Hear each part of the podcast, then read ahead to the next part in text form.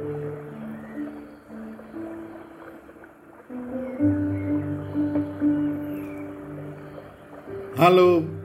Bapak Ibu dan Sobat Muda yang dikasih oleh Tuhan Yesus Kristus. Kita bertemu kembali di acara Teologi Kerja. Kali ini topiknya akan kita angkat berkaitan dengan Temukan kembali kekuatanmu. Satu setengah tahun pandemi COVID telah berlalu Membuat banyak dari kita kehilangan kekuatan yang pernah kita rasakan dahulu di tempat di mana kita bekerja. Ditambah banyaknya kerugian yang kita alami, kebutuhan yang terus-menerus untuk menampilkan diri kita sebagai pribadi yang lebih oke daripada yang sesungguhnya yang kita rasakan. Dan syarat untuk selalu berada dalam mode respon pada hal-hal yang tidak kita sukai daripada mengejar pekerjaan yang paling kita sukai. Dan tidak heran, kita terperosok ke dalam rasa yang tidak menyenangkan. Saya hanya ingin merasakan kembali kekuatan dahulu di tempat pekerjaan saya. Saya ingin merasakan seperti diri saya kembali. Dulu saya sangat bersemangat saya suka apa yang saya lakukan dan kerjakan. Tetapi sekarang, pada minggu siang, saya merasa datar, dan saya hampir takut menghadapi minggu depan. Namun, saya tidak sendirian. Di berbagai lokasi, industri, dan peran yang berbeda, klien saya, para profesional yang selalu menyukai pekerjaan mereka, telah memberitahu saya bahwa mereka hanya ingin merasakan kekuatan itu kembali. Ini bukan hanya kebutuhan kosong.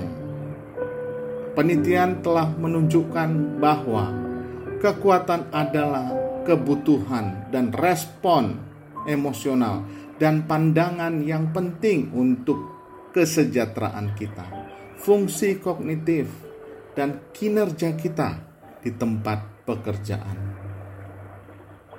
Untuk mengembalikan kepositifan ini ke dalam hidup kita, ada baiknya kita memahami mengapa hal ini menghilang. Jawaban yang jelas adalah karena pandemi. Tetapi ada baiknya melihat lebih dekat lagi apa yang salah secara spesifik.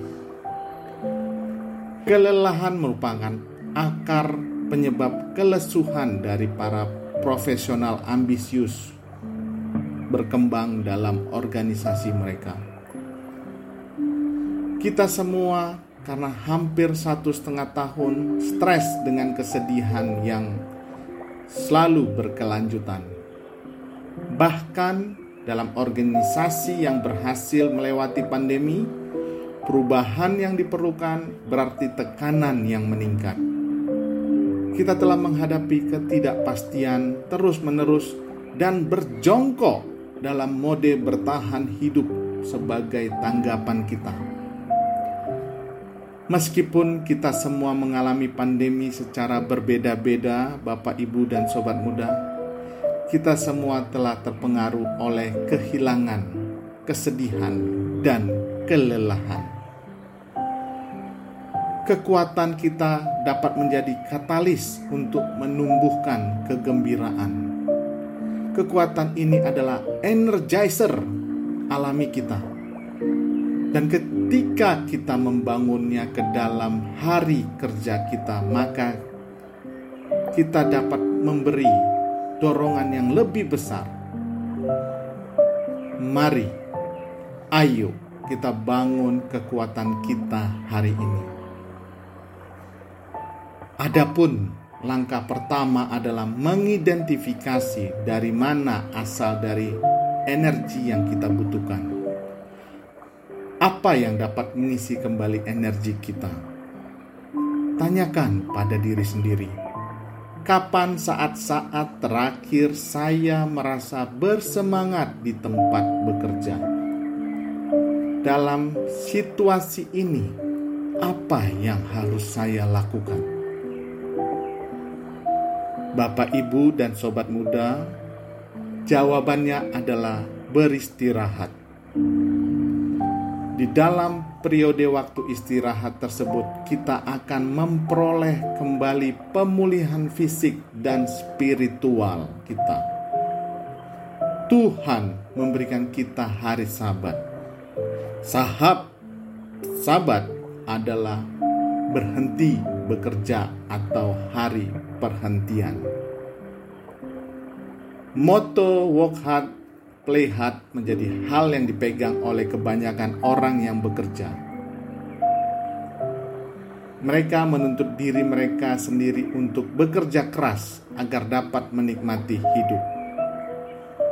Oleh karena itu, tidak heran jika ada yang berpikir bahwa sabat tidak lagi relevan di zaman serba cepat dan sibuk seperti sekarang. Namun, apakah benar demikian? Tuhan ingin kita untuk melihat hal lain dalam hidup ini selain bekerja. Dia ingin kita meluangkan waktu bukan hanya untuk bekerja, tapi juga untuk bersama dengan keluarga, bersantai dengan teman, melakukan hobi kita, dan tentunya meluangkan waktu untuk berelasi dengannya. Dengan mempraktekkan sabat dan kita akan terus terhubung dengan Tuhan yang punya dan empunya sumber kekuatan melalui kegiatan sehari-hari beribadah, berdoa, dan membaca firman-Nya dan terus berefleksi atas kasih Tuhan dalam hidup kita, maka kita akan beroleh dan memperoleh kekuatan, energi, dan fokus kita kembali di dalam dunia pekerjaan yang rutin kita lakukan sehari-hari. Bapak, Ibu, dan sobat muda, setiap orang butuh waktu untuk berhenti sejenak, baik untuk beristirahat maupun untuk mengingat perbuatan Tuhan yang telah menyelamatkan hidup kita dan membebaskan kita dari perbudakan dosa dan segala hal lainnya yang membebani hidup kita. Oleh karena itu, pada prinsipnya, ketentuan mengenai Sabat atau waktu beristirahat ini tentu masih sangat relevan dan berlaku dalam kehidupan kita di masa kini. Kiranya Tuhan Yesus memberkati. Amin.